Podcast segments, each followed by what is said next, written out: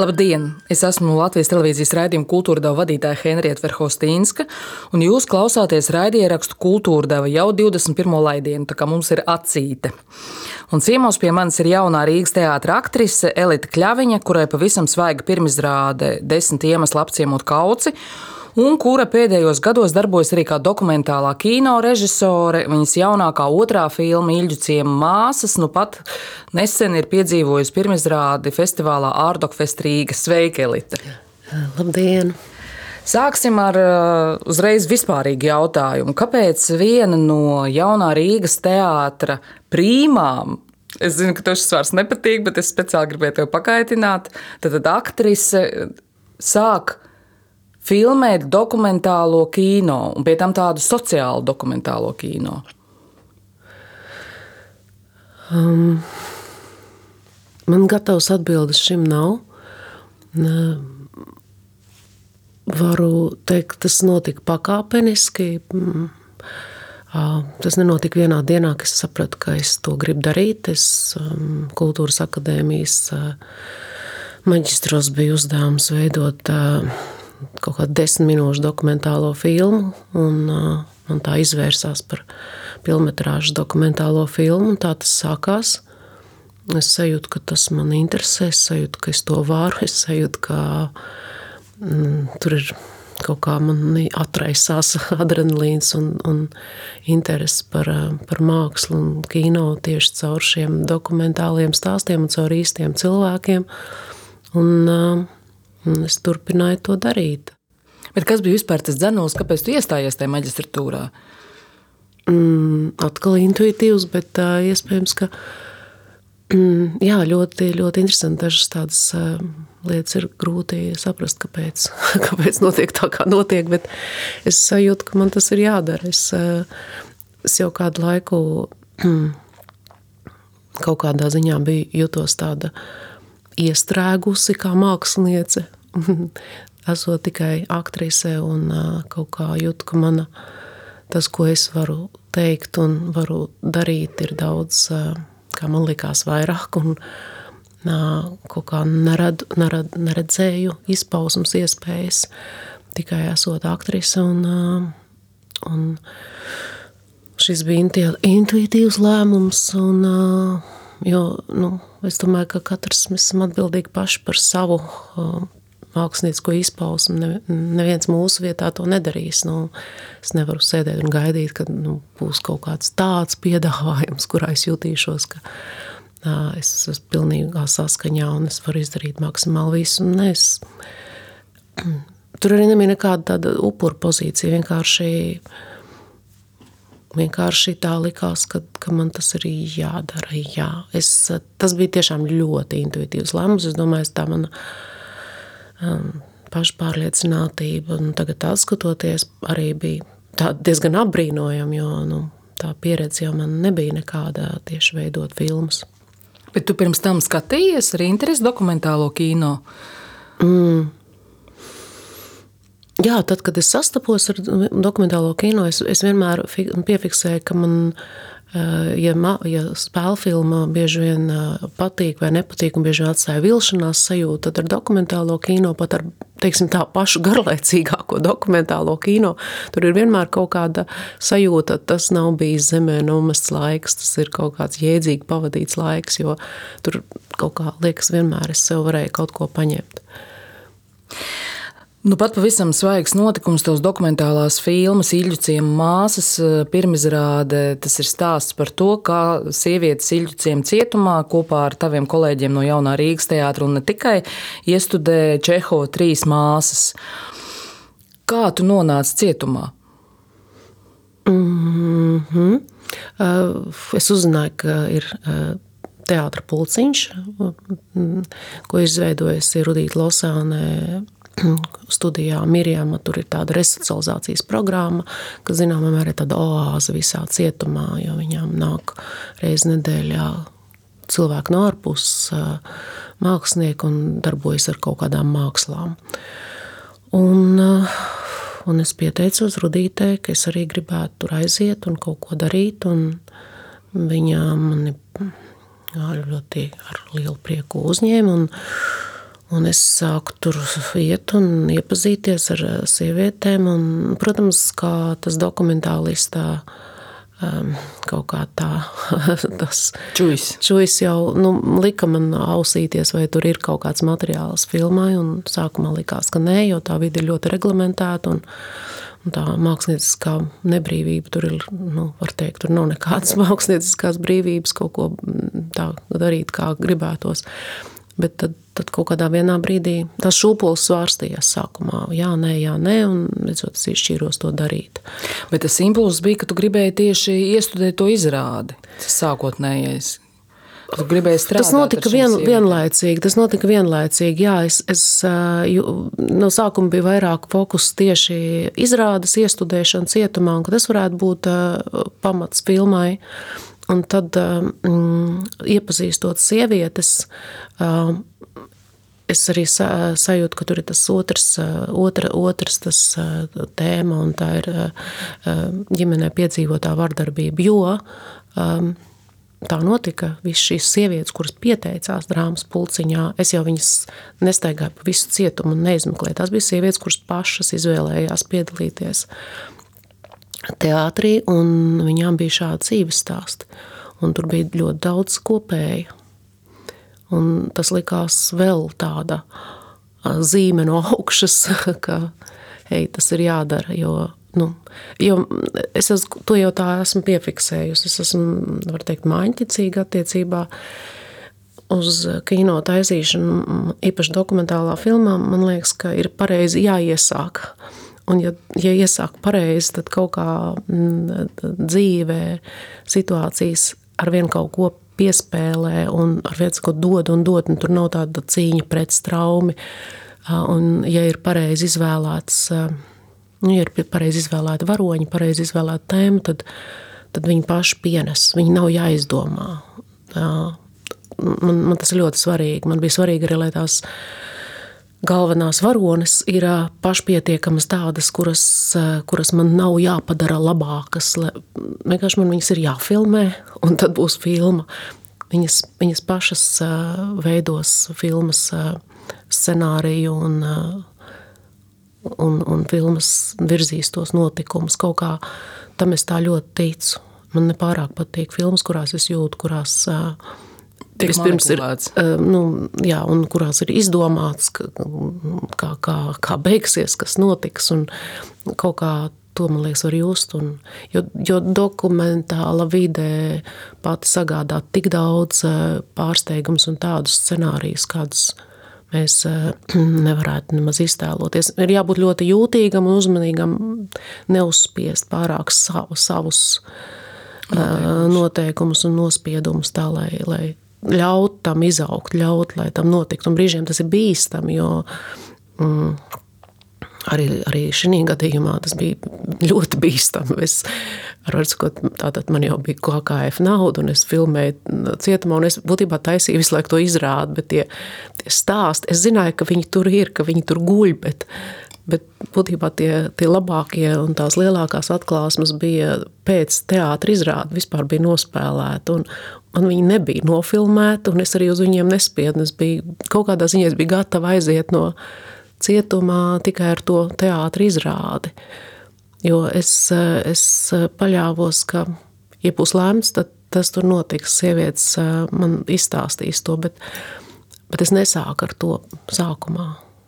Un, nu, pieradināji pamazām pie sevis. Jā, nu, un, un, un kaut kā ļāvu, jā, mūsu tas, tas process, tas bija godīgs process, mēs taisījām teātri izrādi, mēs runājām galvenokārt par, par eh, lomām, par eh, lomas saistībām ar dzīvi, mēs, mēs mēģinājām, un eh, iespēju robežās filmējām kaut kādus brīžus, kad nu, sievietes nav ne, ne, ne, ne ne mēģinājumos, ne arī nu, darbā, bet kaut kādos atpūtas brīžos un, un viņu sarunas. Bet tie, nu, tie riski, kā, kas tur galu galā iznāks, tie, tie visu laiku pastāvēja. Nebija. Jā, nu, man patīk tā tā nedrošība, kas ir, ko dokumentālā vide piedāvā, man liekas, ka tad, ja ir, jo nedrošāk, jo ir, jo ir labāk, jo pareizāk viss notiek. Kāpēc tu izvēlējies tieši trīs māsas, jo tur ir labas sieviešu lomas? Uh, jā, jā. Galvenokārt tāpēc mums sākumā pat nebija tā doma tos vīriešus tik daudz iesaistīt, bet tad, tad kaut kādā brīdī es pieņēmu tādu lēmumu.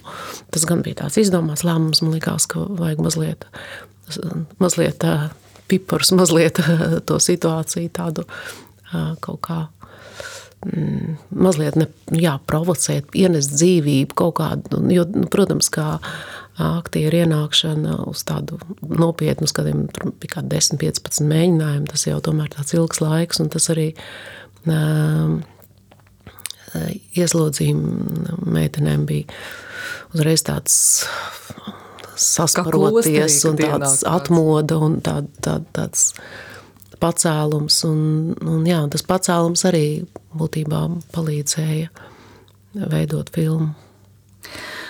Vai tu, tad, kad tev šīs sievietes uzticējās un stāstīja savus stāstus, vai tu veici arī kaut kādas tādas žurnālistiskas izmeklēšanas, pārbaudīji šos viņu stāstus, vai tu vienkārši ļāvi viņām būt un stāstīt, ko viņas vēlas? Nē, neesmu lasījusi nevienu lietu. Varēju to izdarīt, noskaidroju, ka ir tāda iespēja žurnāli, nu, pieprasīt un, un tad uzzināt. Un tā.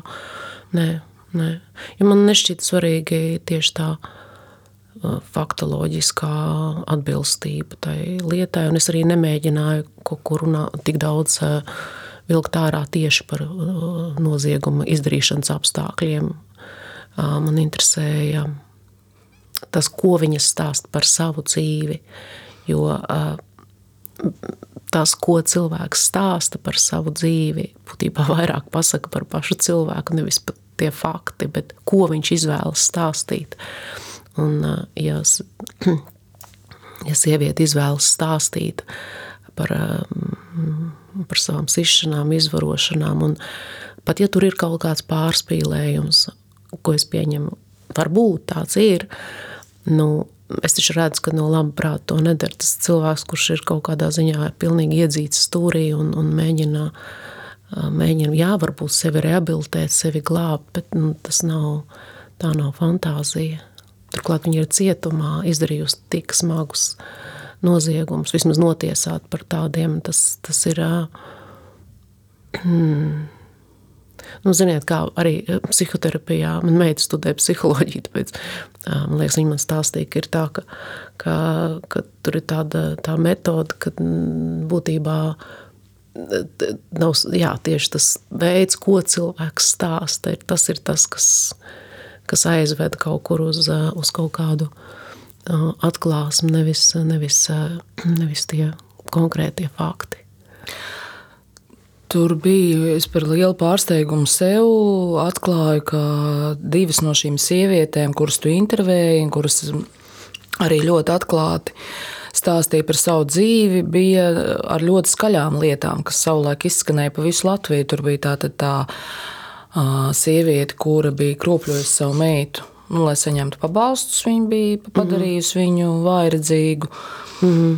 un, un arī bija šī meitene, kas tēloja Irinu. Tavā izrādē, mm. kura tika notiesāta, ko viņa tā arī neatzina par savu divu bērnu slepkavību. Mm -hmm.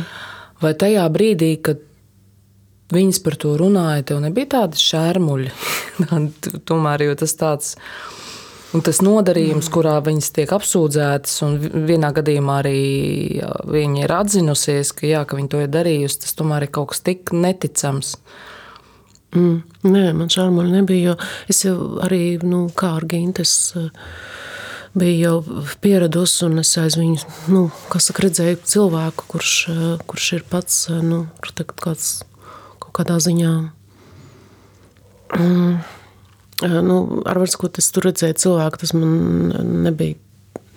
Mēs bijām ļoti ilgu laiku kopā, nu, divu mēnešu. Pirms tam es gāju to teātri mācīt. Par Daigu, Daiga mm, mm, medmās, kas ir nu, apzināti laikam kropļojusi savus bērnus. Es nezināju. Es nezināju vispār viņas stāstu. Es biju kaut kā Nezinu, ko es tajā laikā darīju, vai bija Latvijā, nebija Latvijā, kā, bet tas man bija pilnīgi pagājis garām. Un tad, kad es viņu izjautāju, nu, kas tur notika, tur ļoti interesanta situācija. Televizorā bija raidījums par um, uh, vardarbību pret bērniem. Un, un es uzreiz operators, nu, un es jautāju Sarmītē, kas ir mūsu viena no galvenajām valronēm, ka, ko viņai būtu par šo teikt, jo viņa ir arī piedzīvojusi vardarbību savā ģimenē, kaut kāds mans jautājums bija, nu, kā varētu komentēt to, ko, vai tad, tad viņi tur runā pareizi, tādā televizorā.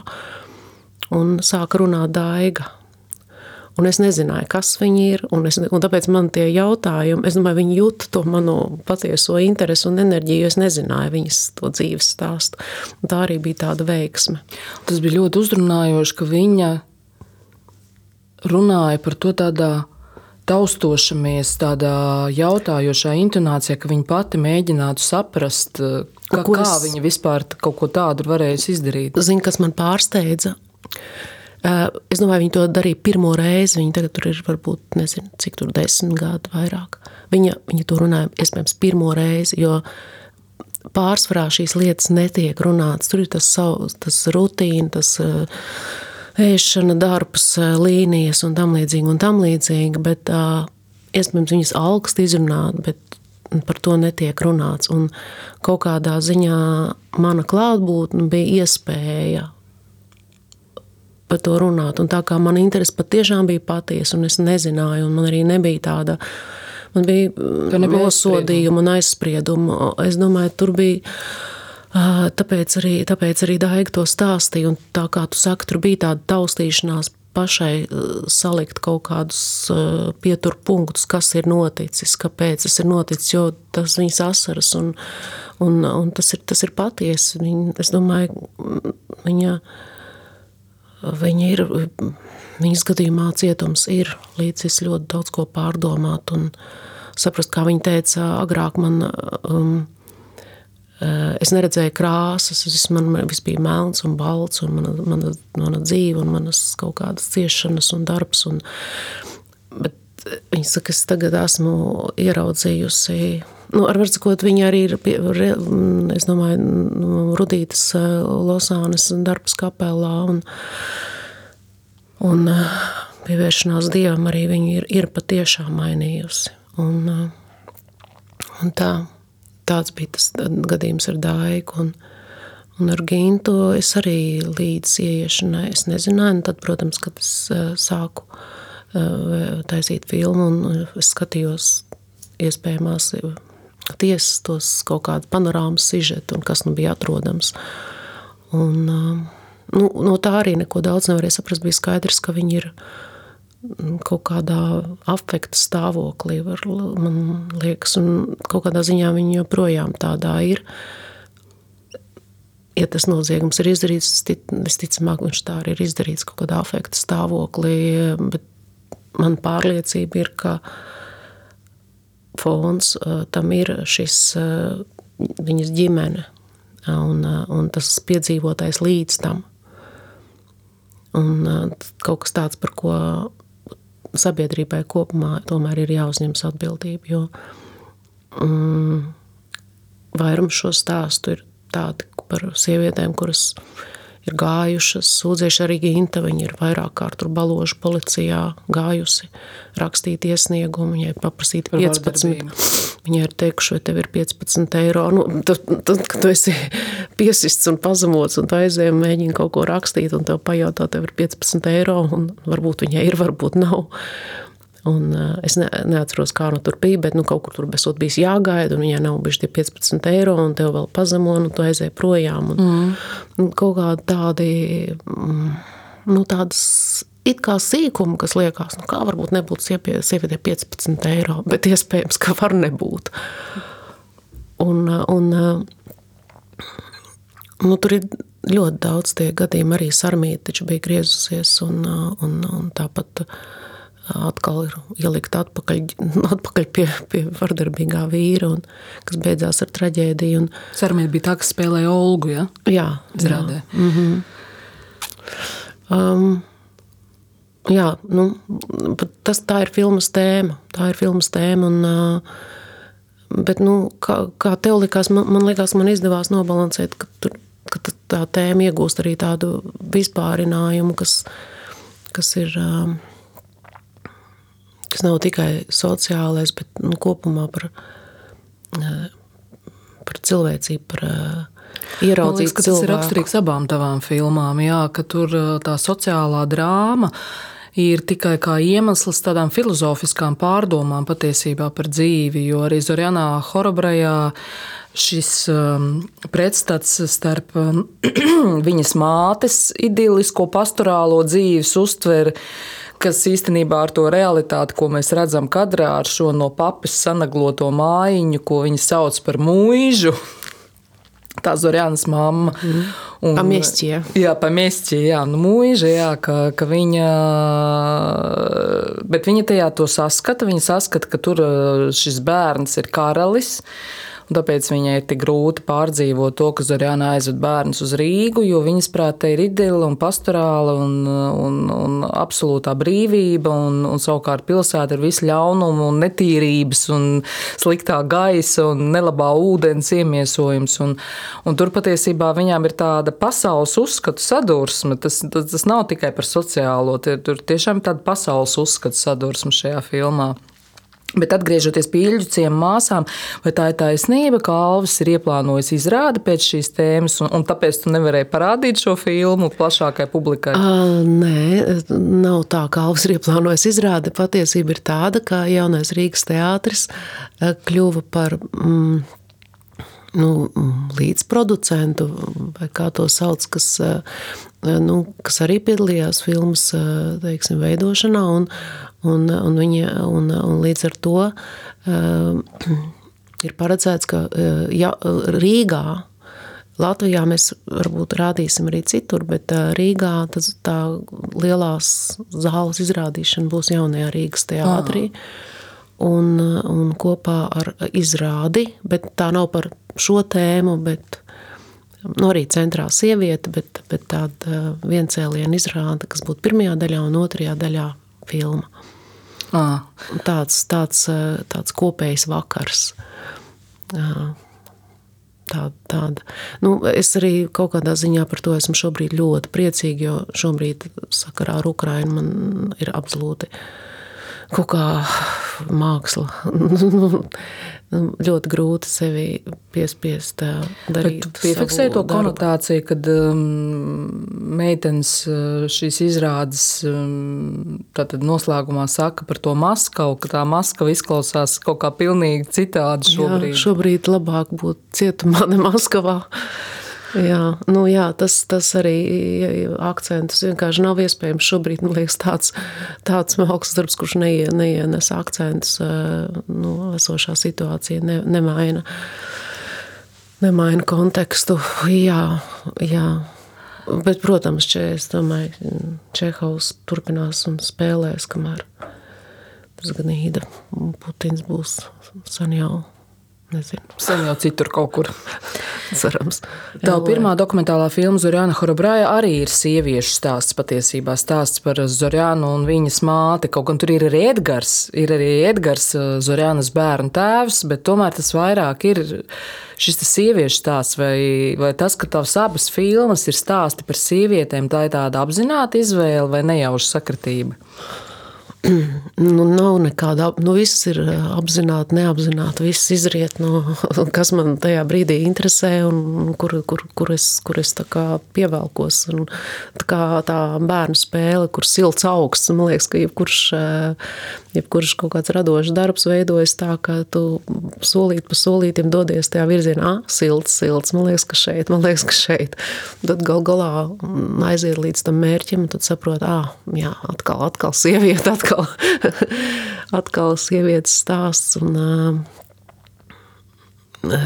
jā, nu, nu, nezinu, apzināti. Nu, jā, protams, ka es apzinājos, ko es daru, bet tā varbūt es daru to, ko es, ko es jūtu, kur man kur, kur es saprotu, kur man ir vairāk kaut ko teikt. Ar tevi pašu, varbūt es ar kādu no varonēm arī kaut kādā brīdī identificējusies. Mm, nu, es, es noteikti esmu aiz ādas viņam. Nu, jā, es, es saprotu viņas, es ticu, man, man, man patīk. Es, es nezinu, es, nu, jā, varbūt tas arī ir kaut kāds iemesls, kāpēc cilvēki varbūt man vairāk atverās. Jo es pilnīgi noteikti nespēju nosodīt vai kaut kā paskatīties augstu uz to no malas. Jā. Man tavās abās dokumentālajās filmās likās interesanti tā tava iztaujāšanas maniera un arī tas, ka tu dažus savus jautājumus atstāji tajās filmās. Nu, tavu, tavu klātbūtni tur ir mazliet jaušama. Un tas man, protams, nevarēja neatsaukt atmiņā latviešu stāstus un to, kā jūs savulaik jaunajā Rīgas teātrī veidojāt šos te portretus, portretu stāstus par reāliem cilvēkiem. Vai tu izmantoji šo pieredzi savā dokumentālajā praksē? Nu, es pat nezinu, man jau bija pieredze pirms tam kā žurnāliste. Es tomēr diezgan daudz intervēju cilvēkus vēl pirms, pirms dokumentāliem stāstiem teātrī. Es pat ne pieredzi. Nu, tā ir interese par cilvēku. Es, es sarunājos, es īpaši, un tad, kad kaut kādi jautājumi kas man liekas, noņem uzmanību no kopējā filmas vēstījuma, ir lieki, es viņus montāžā izņemu. Bet, bet ja kaut kas paliek, tad tas tur paliek. Nu, man tā ļoti tāds sterils stils, man liekas, mazina ticamību nu, no dokumentālajai filmai. Nu, viņa ir kaut kādā ziņā ir jāatspoguļo tas veids, kā tā filma ir tapusi. Un ja, ja tur ir bijušas sarunas, tad tad man, liek, man ir tiesības viņas atstāt, jo tas liecina par to veidu, kā es iegūšu šo materiālu. Kad arī es kā uh, režisore, kā filmas veidotāja, esmu daļa no šīs filmas. Uh, jā, man tādas dokumentālas filmas patīk. Man, man nepatīk, kur viss ir izpreparēts līdz tādai absolūtai mākslinieciskai pilnībai. Mums ar to pārmet mūsu filmai Dēlē Vilnas Vējš, ka mēs esam pilnībā izgriezuši sevi un ka ir tikai rutas, respektīvi birotas Dēles monologs un, un nav nojaušams, ar ko viņi sarunājas. Un, mm. Un tā, bet es tam nevaru pārkāpt. Man vienmēr liekas, ka, ka, ka es nevaru ar to savu personību iejaukties tajā sevis atveidot, nu, attēlotās personības stāstā, un tad mēs diezgan mm. rūpīgi kaut kā šņakarējam visus jautājumus mm. ārā.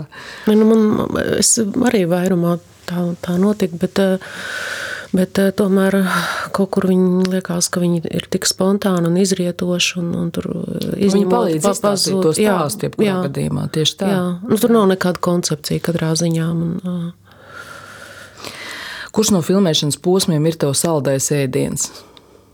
Nu, ne filmēšanas, bet filmas gatavošanas posmiem, tad kopumā.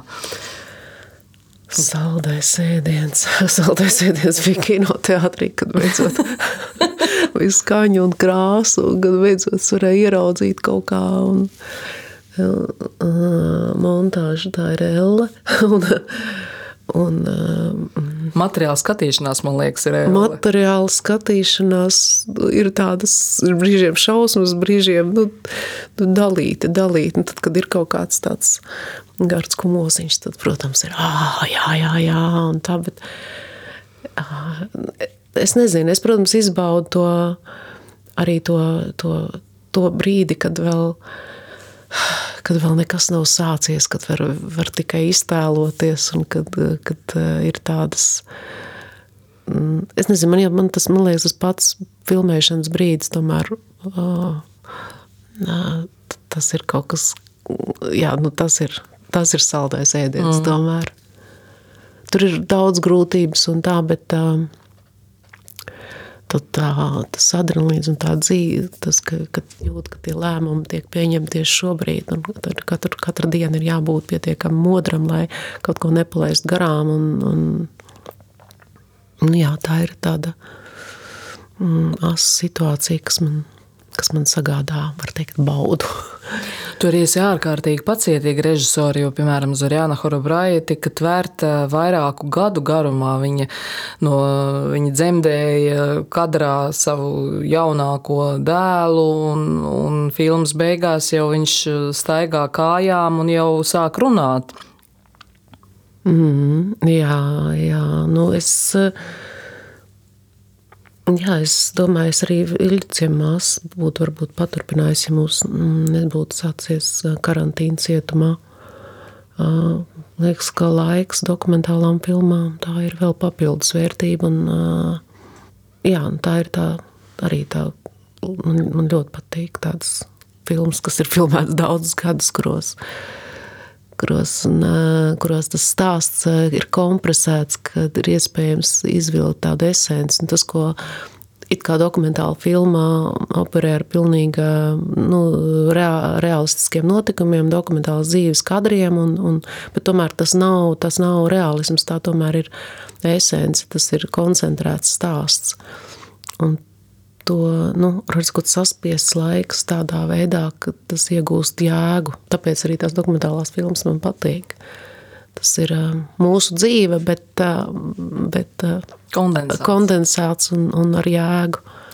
Tev arī varēja just abās filmās, ka tev ir āķis lūpā. To varēja ļoti labi just, ka tu esi iekūdusies tajā realitātē un, un ka tu pati gūsti no tā kaifu. Un, un, un kas ir, ir nākamais? Noteikti, ja tev ir šis āķis lūpā, tad jau tu domā par nākamajiem kaut kādiem projektiem. Mm, nu, nē, nu, nē, es tikko esmu no Es neesmu es arī kaut kā, tad, kad es daru vienu, tad es tur esmu pilnībā. Un es, es līdz pat pēdējiem brīžiem, kad mums filma būtībā bija pabeigta īsi pirms Reku festivāla, arī tur arī bija visi tie lēmumi, kāda mūzika, kādas tur skaņa tur vai mūzika tur. Un tas, tas, es nezinu, man tas prasa ļoti daudz laika, enerģijas, domu, un tur es esmu pilnībā. Tad Protams, ir pa, pa mm, šaudās kaut kādas idejas, tā, bet šobrīd nu, nav nopietni apspriežams. Nav nemaz zināms, ar ko tas vai kāda no tām paliks tāda pietiekami noturīga, lai par viņu domātu kā par kaut kādu bet nākamo projektu. Ar to nodarboties arī turpmāk. Es šobrīd esmu pietiekami ar skot, iztukšot un vienlaicīgi arī laimīga par to savu filmu Milģisiem mās, kas tikko ir iznākusi. Es ceru viņu vēl rādīt, jo man arī ir jāuztais tā izrāde jaunā Rīgas teātrī. Lai viņi varētu rādīt šo filmu. À, tu pati būsi režisore arī izrādē. Jā, man sanāk, man, lai, lai, lai uztaisītu Ilģiciem māsu, man bija jāuztaisa Čehovs trīs māsas, faktiski visu cēlienu pil, pilnu izrādi cietumā, kas bija tāds pilna laika, nu, redzot, iestudējums. Čehovs ir jāuztaisa, un tagad ir jāuztaisa viena izrāde jaunā Rīgas teātrī. Kas būs dramaturgiskais pamats šai izrādē? Uh, Franču tāda jaunā viļņu luga, es atgriezīšos no tālienes. Uh, tad krietni netik, ne, ne sociāli tāda nu, viņa, viņa tādā intuitīvā līmenī rezonē ar, ar filmu, bet ne tiešā veidā. Nekādā. Jā, būs interesanti. Uh, Tavas jaunākās lomas jaunajā Rīgas teātrī, kas tev ir bijušas pēdējā laikā, gan Antra Akmeņa kala desmit iemeslos apciemot kauci, gan mācītāja kundze krizantēmās, un tās, ap citu, abas ir Gats Šmita izrādes, gan pirms tam režisore Elizabete Hermaņa vīriešos un sievieties tās tādas dāmas. Nu, kā tautas valodā saka, ar pautiem. Jā, jā. Tādas ļoti striktas, stingras, spēcīgas sievietes. Tev tas tagad tāds pēdējā laika, jo tu pati, gal, tu pati šķiet ļoti trausla patiesībā. Nu, kaut kā neredz to režisoru. Man ir redz tos paltus tagad. Kā tev ir sadzīvot ar šādiem raksturiem? Nu, vienkārši kaut kāds tāds vecenis, jā. Nē, tam ir kaut kāda saistība arī ar to um, ap 50 gadiem. Es domāju, nu, aktrisēm tur ir tāda izvēle. Vai nu kaut kāds. Nu, būtībā tas dīvainās vecenis, dažādas, dažādas dīvainas vecenis. Es jūtu, ka tās viņas Tuvojas. tiražēsies, viņas, viņas tiek šobrīd, viņas ir pieprasīts. es, es nezinu, ko lai saka. Nu, tās ir, var teikt, rakstura lomas, kurās, kuras ir attraktīvas, interesantas nospēlēt un tām. Bet, nu, kā jau es teicu, kaut kāda liela daļa manis tur, nu, man nav iespēja sevi kaut kā lielikt tā, lai es, es domāju, ka man daudz kas no manis paliek pāri, un tad tas paliek pāri priekš, priekš filmām. Priekš dokumentālā kino. Šobrīd ir kārtējā ēra maiņa teātrī. Eh, no 1. mārta teātris var būt pilns, atkal skatītāja zāles var būt pilnas, viņām nav jābūt izritinātām. Un paklausīsimies, ko par šīm pārmaiņām teica tavu kolēģi no Nacionālā teātra režisora un aktrise Ināras Lutska, kad viesojās kultūrdavā. Mūsu cerības ir piepildījušās arī tādā ziņā, ka martā mēs varam laist pilnu zāli ar skatītājiem, vai tas uzliek kaut kādu papildus atbildību šobrīd, ka pēc lielākas, ilgākas pauzes ir zāles atkal simtprocentīgi pilnas? Es domāju, ka ne. Protams, ka aktieriem ir nesalīdzināmāk, ir vieglāk spēlēt. Tas gan ir vieglāk būt, jo tu nu, bija stipri grūti mirklī, kad tev sēdēja tā, nu, šahā kaut kur tie cilvēki, un, un tie cilvēki arī jutās savādāk zālē, jo viņi īsti Viņi bija apjukuši, jo teātris ir, ir pierasts, ka tur mēs esam plecu pie pleca, un pēkšņi tu atsevišķi, un arī tu nezini, vai tā reaģēt vai nē. Un tas, tas, tas, jā, un tā enerģētika kaut kur bija izklaidēta. Un, lai kā ir tagad, viņi tomēr, lai varbūt arī nav viss izpārdots vai kā, bet nu, tad, tad jūt to. Uh, tagad, kad ir iespēja salīdzināt, to var ļoti, ļoti just. Kad mēs iegājām, tas bija ļoti, es nezināju, kad jau mums laiž jau ezeriņu pilnu, jo parasti tur arī izklaidē, un pēkšņi tu ienāc un tur tā mazā zāle pilna. Tā bija tik fantastiska sajūta, tomēr, ka, tu, ka tas beidzot ir atpakaļ. Vai tu arī jūti atšķirības starp šīm pilnajām un puspilnajām zālēm? Protams, protams daudz patīkamāk spēlēt pilnās zālēs. Bet kur tad ir tāda, tad, kad ir tādas pustukšās zāles, tu kā aktris tu nesaņem to pilno enerģiju, vai, vai kur tad ir tā problēma? Mm. Es, es to, to man jāatzīst, to atgriešanās sajūtu ar pilno zāli es pat tik ļoti neizjūtu, kā es sajūtu to brīdi, kad uh, viņi bija pustukši, kad bija pilna, pilna un tad pēkšņi pustukši. Tad, nu, jā, un, jā, bet nu, tā, tā, tā nu, kaut kādā, nu, es domāju, tas neko neizmaina nu, tādā aktiera būt vai nebūt jautājumā. Ir jāspēlē kaut vai pieci skatītāju zālē. Nu, kaut kā tā, jā. Izrāda desmit iemeslu apciemot kauci, ko iestudējis Gatis Šmits, bet lūgu uzrakstījis Justīna Kļava. Man pārsteidz viens brīdis, kurus tagad mēģināšu aprakstīt, nespoilerējot. Tas ir, kur tā tad manieks ar cirvi, kurš ir dzenājies pakaļ visiem pārējiem izrādes varoņiem. Viņš notver vienu personāžu, tur cirvi pie viņa kakla. Skatieties visi. Un tad viņš saka, skatieties visi. Un tas bija tik ļoti par Putinu. Mm -hmm tas bija tik ļoti tieši asociācija, ka es tajā brīdī burtiski sastingu. Bet izrādi jau tika iestudēta jau pirms uh, kara Ukrainā, vai šīs sakritības, šis te. Šī parafrāze, kas tik pārdabiskā veidā ir nolasījusies, tā bija, protams, nejauša. Uh. Es neatceros, vai, vai tieši šo tekstu varbūt Andris pats kaut kā piedāvāja. Nu, pamatā tiešām tā Justīnas lūga tur ir nu, nu 98%, 99% ir, ir pilnībā viņas rakstītais, bet iespējams, ka šo frāzi viņš pats varbūt pielika, bet es, es par to neesmu tik droši. Bet, bet jā, nu, kaut kā šī luga, ja viņai mm, arī bija tāds apliecinājums, ka bieži vien mākslas procesi un nu, ļoti rezonē ar to, kas notiek pasaulē un, un, kaut kā papildina. Un, un būtībā nu, šī gadījumā tur bija ļoti daudz tādas stingzinošas līdzības. Jā. Es, es, nu, es, es arī mazliet mulstu, un es nezinu pat kā. Tad, kad nebija vēl skatītāji, es ļoti baidījos, kā tā izrāde tiks uztverta un vai tas vispār komēdija šajā laikā nu, ļoti riskanti, jo arī, arī pat spēlēt bija. Nu, man, bija man bija grūti mēģināt, man bija jāatzīst, man bija ļoti grūti mēģināt, īpaši līdz ko es uzzināju, nu, kā sākās, kur Ukraina man.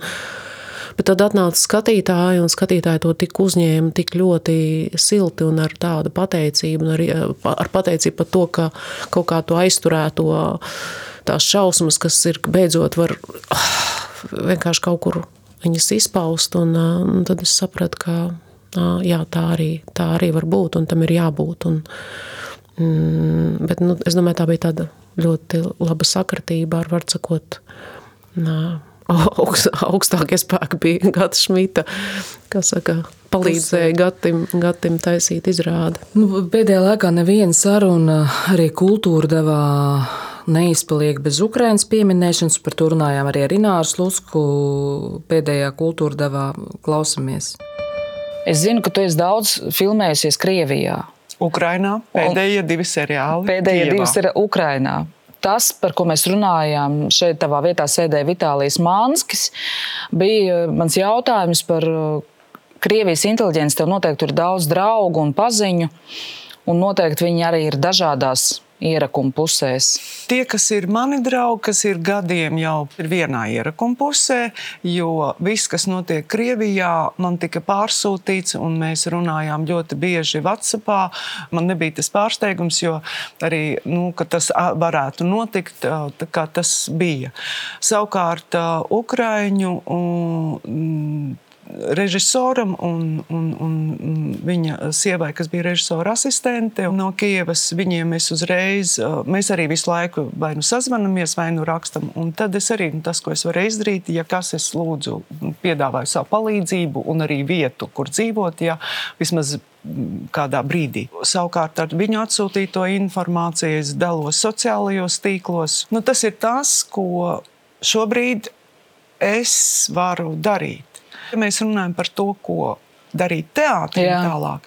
Vispirms ir jāapjēdz šis laiks. Pagaidām, kas man liekas, mēs droši vien turpinam to pašu, ko es, piemēram, arī es, kas man liekas svarīgi. Joprojām mēs runāsim par tēmām, kas ir svarīgas arī katram individam. Jo dzimusi vakardien ir tāds teiciens, lai saprastu uh, sabiedrību, tev jāpēta indivīds. Ja? Un es domāju, ka mēs joprojām, ja mēs dzīvojam šeit, un tās problēmas, kas ir arī mums, ir ļoti svarīgas.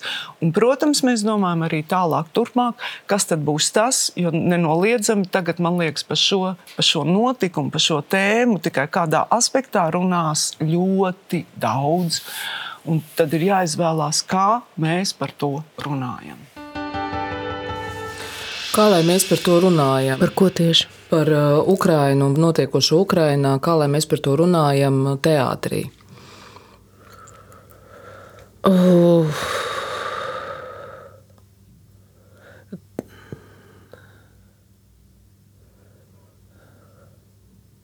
Es domāju, viss tagad ir caur, caur uh, Ukraiņas prizmu. Pilnīgi viss, viss katrs iestudējums, katrs. Un tas ir. Mm, nu, man arī ir kaut kāda, kaut kāda nu, kaut kāds mugurkauls iztaisnojies un, un, un kaut kāda asa izveidojusies, kurā es saprotu, kas ir, kas ir labi un kas ir slikti un kā, kā, kā rīkoties un, un par ko ir vērts runāt un par ko šobrīd vispār nav vērts runāt. Bet nu, to nevar tā vispārināt. Nu, nevar, to, nevar to vispārināt. Nu ir konkrēts iestudējums, un tad ir jāskatās, kas ir tie akcenti, kur ir jāizvirza priekšplānā, lai tas palīdzētu. Palīdzētu Ukraiņai un palīdzētu labajiem spēkiem šobrīd. Kā tu pati jūties šajā situācijā? Vai tev ir bail? Man ir bail par, par, par Ukraiņu, man ir, man, man ir bail par tiem, par tiem cilvēkiem, kuriem šobrīd uh, mirst, par tiem tūkstošiem un tūkstošiem un bērniem par to kaut kādu nespēju, mūsu pārējo nespēju palīdzēt, kaut kā apstādināt to. Tas ir galvenais, kas man, nu, par ko es šobrīd domāju. Viss pārējais liekas galīgi mazsvarīgi Nezinu, es, es esmu es, es esmu tā, kas Facebookā liek aiz, aizveriet debesis no apmēram. Es, mm. man, man, nav, man nav bailes, man, man galīgi pārsteidz un man, ne, man neaiziet. Mans, mans izdzīvošanas instinkts nesniedzas līdz tam, lai šobrīd domātu, kā pakot mantas un kur bēgt un kas notiks, ja šeit, nu, es to kaut kā sapratu, ka man tas galīgi, es nesaprotu tos cilvēkus, man tas nav vēl līdz manim tas nav atnācis. Es, eh, šobrīd man, man ir. Man ir vienkārši cilvēciski ārprātīgi grūti šo noskatīties, ka tas turpinās un turpinās. Un ja vēl pirmajās nedēļā es vēl kaut kā varēju, man bija pirmizrāde tā, tā, tā, tā filmē bija, kas, nu, tas bija 8. marts, un, un, un kaut kā likās, nu, tad varu tulīt vēl kā, nu, varbūt dažas dienas, un tad tas beigsies, un tas ne, nebeidzās, un, un kas tagad notiek ar Mariupolu un tam līdzīgi, tas, uh, Nu, nezinu, man, man, man, man liekas, ka ir jāatrod kaut kādiem starptautiskai sabiedrībai NATO, ANO, ANO, kas vispār sevi ir. Man liekas, ka manās acīs ir sevi degradējusi. Nu, vienkārši ir jāatrod kaut kādi jauni, jauni veidojumi, kā pasargāt cilvēci no, no terorista, no, no šausmām, no kā to varētu apstādināt. Un tas, ka tas nav izdarīts, nu, atkal, nu, man liekas, tas nav pareizi. Es nezinu, ko, ko tur mums, kā, mums ir jāiet un jāprasa. Tagad jau vairs tur demonstrēt pie Ukrainas, fu, es domāju, pie Krievijas vēstniecības, tur mm, liela jēga nav, tur neviens neko. Nu, ir, ir jēga, ir forši tas nenormāli skaistais plakāts, es netālu dzīvoju, vienkārši katru dienu priecājos. Bet, eh, uz nu, medicīnas muzeja. Uz medicīnas muzeja, eh, jā. Ar galvaskausu atņemtiem zobiem. Jā, jā. Vakar tieši pret Krievijas vēstniecību. Nu, kolosāli, jā. Un vakar gāja garām, tur, nu, kā es netālu teicu, dzīvoju, uz veikalu garām iet grupiņa ar mm, krievisku runājošiem cilvēkiem un tādi labi ģērbti un tādi var redzēt, ka šeit, nu, nu tie, kas šeit tā dzīvo labi. Un, un viņi saka, nu, вот тут начинается гадюшник. Un, un, un tā arī daļa no, no, no mūsu tagad, tiem cilvēkiem, kas šeit dzīvo, kas, kas joprojām redz Putinu kā kaut kādu atbrīvotāju, un, un tā, ir, tā ir vēl tāda paralēla problēma, kas, kas protams, ar, kas Latvijai būs, ar ko būs jāsadzīvo un jātiek galā jā, tā kā es domāju, problēma pietiek, bet šobrīd, šobrīd nu, neko citu kā domāt par Ukrainu es nespēju, un tas, cik daudz es varu palīdzēt, nu, es palīdzu, jā, es ziedojums, jā, es pieteicos paņemt savā dzīvoklī Ukraiņu bēgļus. Starp citu, nav neviens vēl joprojām noreaģējis. Nu, tas iesniegums, mm. pirms, var teikt, pirms Caur kādu nedēļu dari? Tur ir tā ārvalstu, ārlietu ministrijas un -huh. aizsardzības ministrijas kaut kāda tā mājaslapa. Bet man teica, ka labāk tomēr tagad tas, tas palīdzēt bēgļiem tur ierakstīt. Nu, tur es neesmu ierakstījis, uh -huh. ierakstīt tenīs ministriju, tenīs mājaslapās. Un tas jau bija pirms divām nedēļām. Nu, jā, nu, tā bezspēcība ir tāda Un vēl man liekas, ir ārkārtīgi dīvaini šobrīd sadzīvot ar normalitāti. Tu kaut kā vairs nesaproti, kas ir normalitāte. Nu, tu, tā kā ar tādām normālām ikdienas lietām, kas tev būtu jādara, kas, ko Jā. no tevis pieprasa dzīve, un, un galu galā bez mazliet tu sāc sev vainot, ka tu nopriecājies par saulainu laiku, un kaut kā ar to ir grūti sadzīvot. Mm, jā, nu, man ir, man ir grūti priecāties. Es slikti guļu, slikti es daudz. Nu, šo, es eh, kaut ko atkal šodien Facebookā. Nu, man ir, protams, visu laiku tā instinktīvā. Es nekad neesmu liela Facebook tāda aktīviste bijusi, bet šobrīd man vienkārši gribās visu laiku dalīties un visu laiku kaut ko. Tas tāds, var teikt, jau panika. Bet eh, šodien atkal kaut ko tur ieliku un, eh, nu, kaut kā, un zīmīt no rakstot par, par Mariupolu un kaut kāda sieviete komentārs. Nu, aiztaupiet savas asaras, kad šeit būs, kad, kad šeit būs karš pie mums. Tagad kaut kā, nu, ar varskot, nav ko tēst, tagad panikot, ir jāatcīt. Apmēram, jā. apmēram apnicis, nu, beidziet šito. Nu, man tā īsti nedarbojas tas, kas, domāju, kamēr, kamēr kamēr eh, Ukrainā nebūs, kamēr Ukrainā mirs cilvēki, tas nebūs. Un arī nevajag būt. Alvis Hermans eh, pirmdien paziņoja, ka ir pieņēmis darbā Čulpanu Hamātovu jaunā Rīgas teātras štatā. Viņa savulaik bija viena no Putina atbalstītājām un piedalījās videoklipā pirms viņa vēlēšanām aicinot balsot par Putinu. Viņa gan to nekad nav slēpusi, ka viņa to darīja savu bērnu onkoloģiskā fonda padarījis žiziņu, dāvā dzīvību dēļ. Un pēdējos gados viņa visai skarbi izteikusies par varu Krievijā un karam, sākoties karam Ukrainā, nosaukusi to par karu. Un izteikusies pret to un atbraukusi uz Latviju, kur viņa dzīvo kādā ciematā, un, un viņai ir uzturēšanās atļauja. Un tagad viņa ir tātad, uzaicināta jaunā Rīgas teātris štatā. Kāda bija tava reakcija uzzinot par šo Alvi lēmumu? Mm, es arī uzzināju no sociāliem tīkliem, kā mēs visi. Un, uh, pirmā brīdī bija tāds, uh, tāds ļoti jauks sajūta, jo es zinu, ka Čelpana patiešām ir nu, izcila, izcila aktrise un arī nu, tāds ļoti, um, nu, kā šķiet, ļoti tiešām dzīvs un, un sirds cilvēks. Un, un tad es skatījos to interviju, kur, kur viņa... Ar Kaču Garģēvu. Jā, jā un, un es, es ticu, ka viņas, nu, tas šoks ir patiesas, un bailes ir patiesas, un bailes pat atgriezties arī ir patiesas. Un, un vilšanās sajūta, un viss tas es absolūti tam ticu, un, un absolūti neuzskatu, ka šādi cilvēki, kuri tagad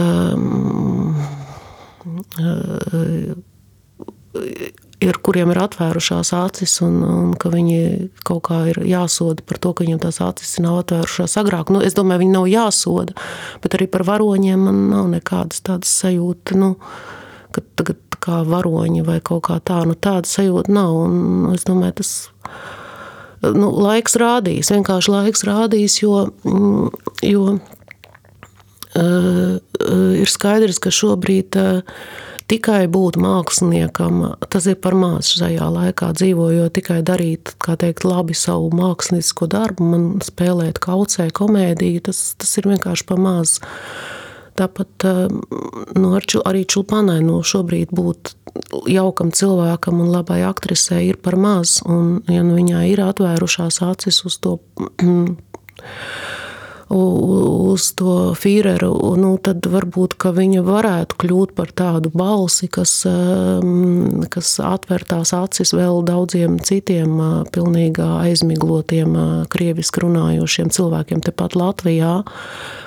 Un ja tas tā notiek, tad tas ir labi. Tad tas ir labi. Ja viņa paliek pie tā, ka viņa Um, es kļūdījos un tagad turpināšu dzīvot un spēlēt, uh, un būšu jauks cilvēks, tad, tas, nu, tad, es, tad es savukārt būšu viņā vīlusies. Bet šobrīd nekas par to neliecina. Es, es domāju, ka varbūt viņa kaut kā iekustinās vēl kādus cilvēkus, uh, kaut kādu procesu. Kaut kādu procesu.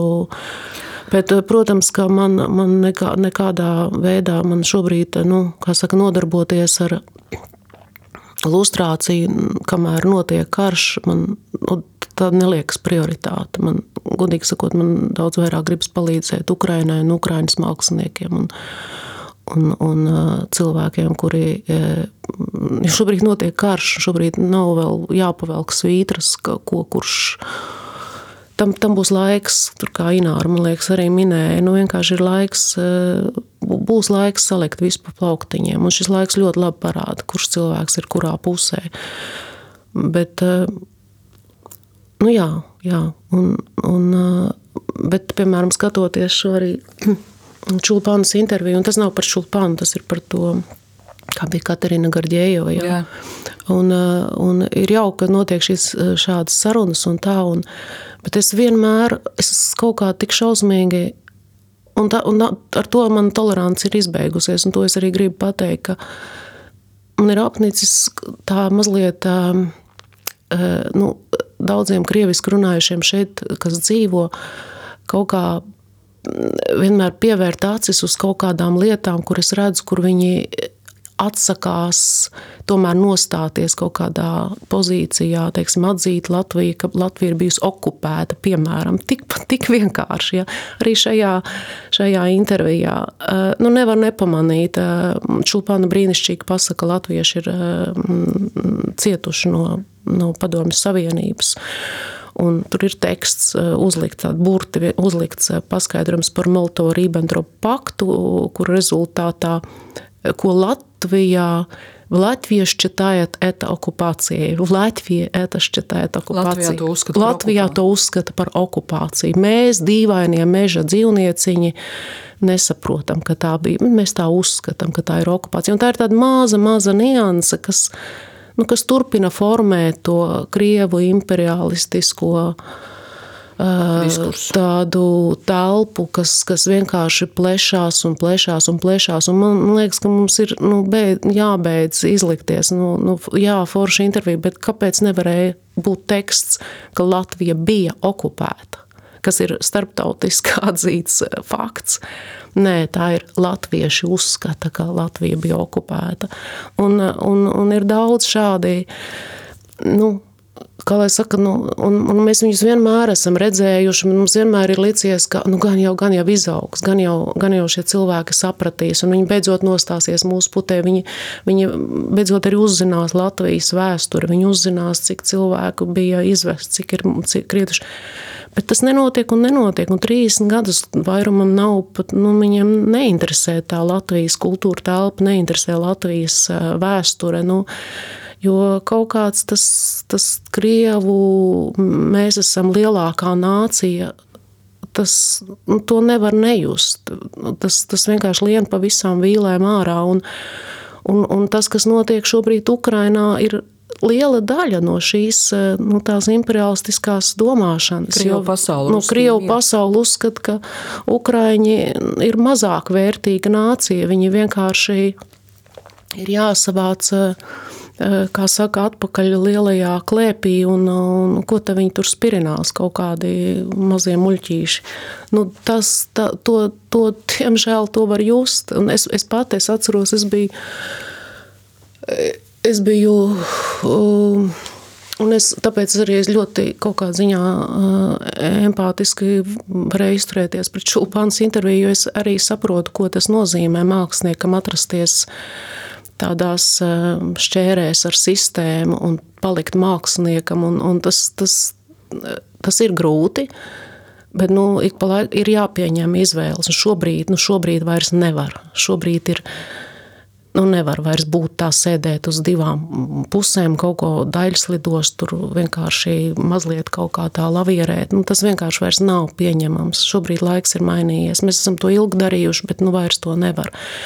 Bet, ko es gribēju iete, sākt teikt, kad es pati biju, mm, es filmējos uh, Krievijas uh, filmā, tad, kad Ukrainā, uh, fu, kad ne Ukrainā, tad, tad es atteicos, kad nu, sākās Krimas, man bija piedāvājumi, es atteicos. Tas, tas, bet es biju 2008. Mm, gadā Prāgā vienā filmā. Kad Grūzijā bija tie notikumi. Kad Grūzijā notikumi, tas bija pēdējās dienas, man bija jābrauc nākamā dienā projām jau un, un Grūzijā sākās tie notikumi. Un, un tas, bija, tas bija drausmīgi atrasties tajā vidē, kur režisors sēdēja un teica, nu, что эти грузины, они там у них хорошее вино, там одеваться они умеют и петь, vai ne?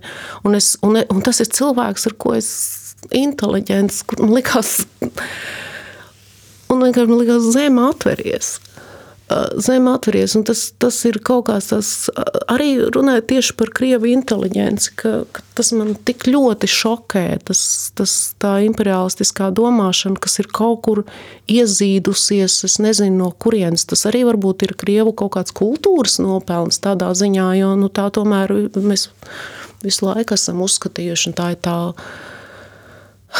Es nezinu, man šobrīd, šobrīd vienkārši tas daudz kas atverās acis par visu šo, un, un tāpēc ir jābūt ļoti uzmanīgiem un, un, un arī ļoti principiāliem jautājumos par uh, Krievu kultūras cilvēku teiksim, iesaistīšanu Latvijas kultūra telpā. Jā, bet, bet arī tiem cilvēkiem, kas tiek tātad kaut kādā ziņā uh, šeit atkal silti uzņemti, arī viņiem tad ir jāizrāda cieņa, tolerance un, un ļoti principiāla nostāja. Paldies tev, paldies par šo viedokli un paldies tev arī Ielit par šo sarunu. Mūsu saruna ir pietuvojusies noslēgumam. Paldies tev, ka atradi laiku un atnāci klātienē uz šo raidierakstu. Šo stundu jūs bijāt kopā ar jaunā Rīgas teātra aktrisi un dokumentālā kino režisoru Elitu Kļaviņu un mani Henrietu Verhostīnsku, un jūs klausījāties kultūrdevas raidierakstu. Atgādinu, ka tiekamies raidījumā Kultūrdeva X svētdienu, pulksten 5. Latvijas televīzijas pirmajā kanālā vai replē.lv. Savukārt nākamajā kultūrdevas podkāstā tiksimies jau pēc divām nedēļām. Uz redzēšanos! Uz redzēšanos!